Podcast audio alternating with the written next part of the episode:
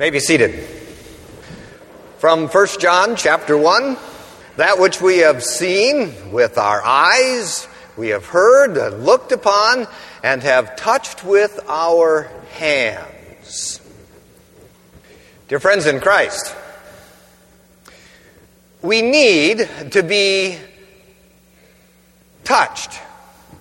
We need just the right touch, and we need to be touched in just the right way. A week and a half ago, I became a grandpa for the very first time. I went to the hospital on that day, and the first thing I did was to pick up my new granddaughter. And then I touched her nose, rubbed her cheek, made an outline on her ear, let her put her tiny little fingers around my finger. There was just something about touch. It said that she was alive and real and there. And there was almost instant warmth and love, happiness, closeness. We need just the right touch and to be touched in just the right way.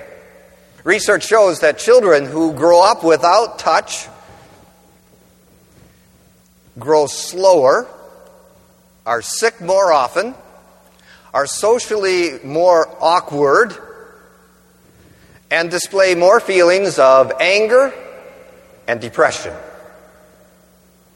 Touch is a, a, vital, essential, necessary part of who we are and what we become. We just need the right touch and to be touched in the right way. And it's not just as little children either. As we grow up as adults, we need touch too. When you meet that someone special in life, you want to hold hands, give a big hug, caress the cheek. I know that it's probably safer to have the cup holders and the gear shift and the parking brake and the little compartment in between the two front seats of an automobile. But when I was a teenager, it was just one bench seat. And when you went out, you could have your date sit right next to you and touch you. You could put your arm around her. There's just something about touch. We need just the right touch, and we need to be touched in just the right way. Touch communicates.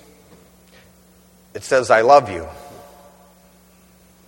Some of you who are married may know do the same thing. When we're somewhere, my wife and I, and we can't say something to each other, I'll, or she would just reach out, and I'll just reach out, and we'll squeeze each other's hands. It's a little secret. Not anymore now. I love you, we squeeze three times. Just something about touch.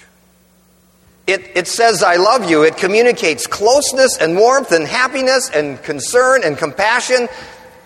Touch tells you that you're alive and there, and so is the other person. So, God, God takes on flesh and blood. He can touch in just the right way and be touched in just the right way. Jesus Christ seen, heard, and touched by hands. The Virgin Mary gives birth. She touches Jesus' nose, rubs his cheek, lets Jesus' tiny little fingers grab her finger.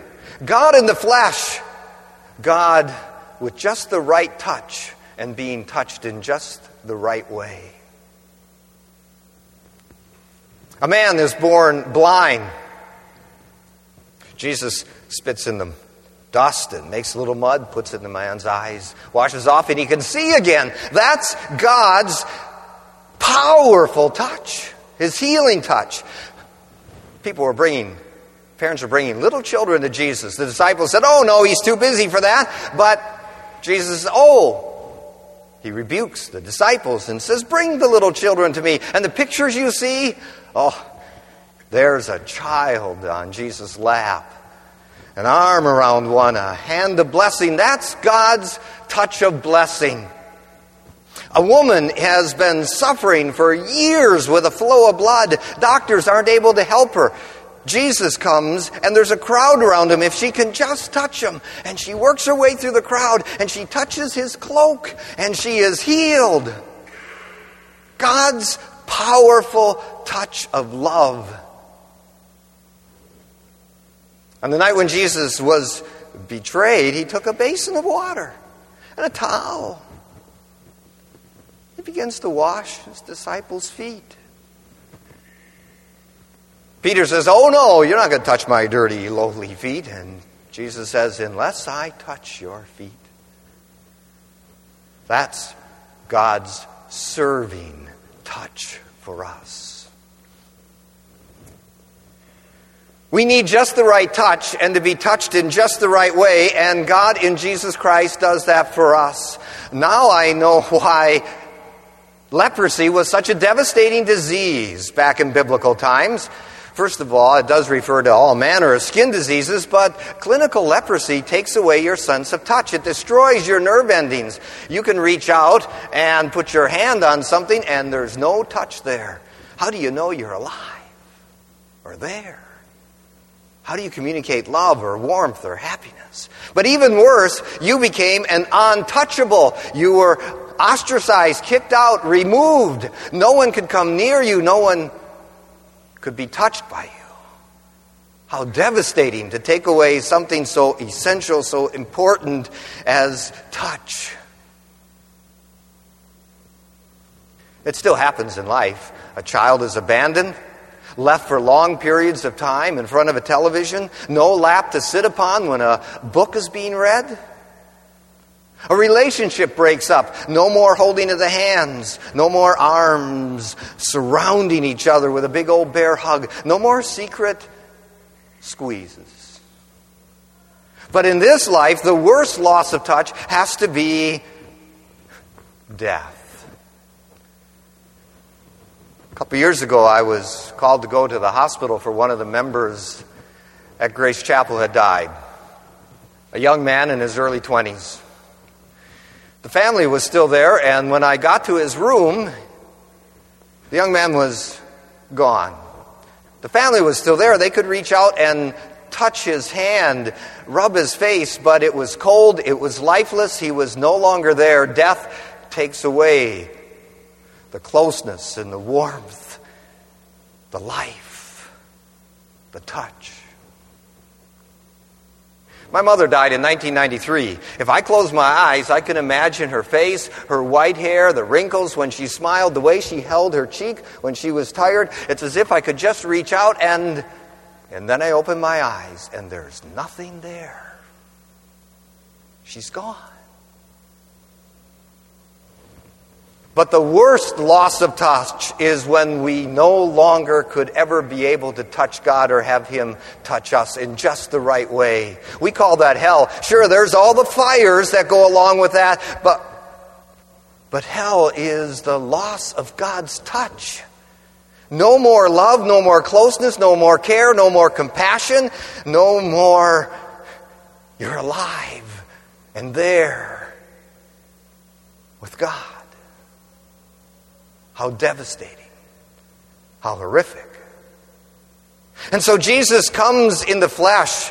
John says, the blood, the blood, the flesh and blood of Jesus Christ cleanses us from anything that could keep God from touching us in just the right way. Indeed, he goes to the cross and says, My God, my God, why have you forsaken me? Jesus has lost touch with his Father. He, his Father is no longer in touch with him. Also, that that would never have to happen to us. And then he rises from the dead, not as some sort of illusion or a ghost or a phantom or a wisp of a soul, but he rises bodily. He can be touched in just the right way. Mary Magdalene is at the tomb. She comes with spices she thinks she's going to touch a dead body, somebody no longer there, cold and lifeless. Jesus calls her name, Mary, and she turns around. What does she do? She grabs onto him. She touches he touches her. Thomas, Thomas is gone that first week when he sees the disciples. They tell him, Oh, I'm never going to believe. Nope, not unless I can touch him myself. Next week comes, Thomas is in the upper room with the disciples. Jesus appears. And what does he say to him? Come here, Thomas. Put your hand to my side. Put your fingers in my hands. Stop unbelieving and believe. My Lord and my God, Thomas can touch in just the right way.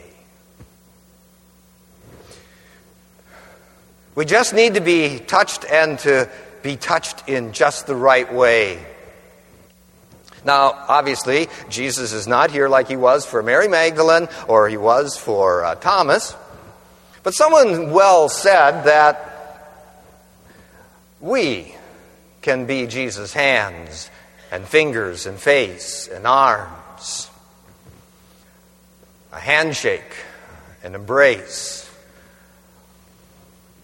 a word of comfort, a smile on the face, a touch, the mutual consolation of one another in the church. Of course, then there are simply the waters of baptism.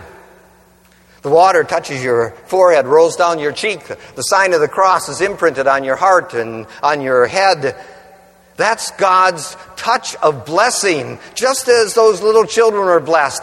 What a wonderful, welcoming touch by Jesus himself in that water. In a few minutes, the Lord's Supper. Bread and wine? Oh, yes, but a real presence here. Jesus really here, touched in just the right way by our mouths and our hands.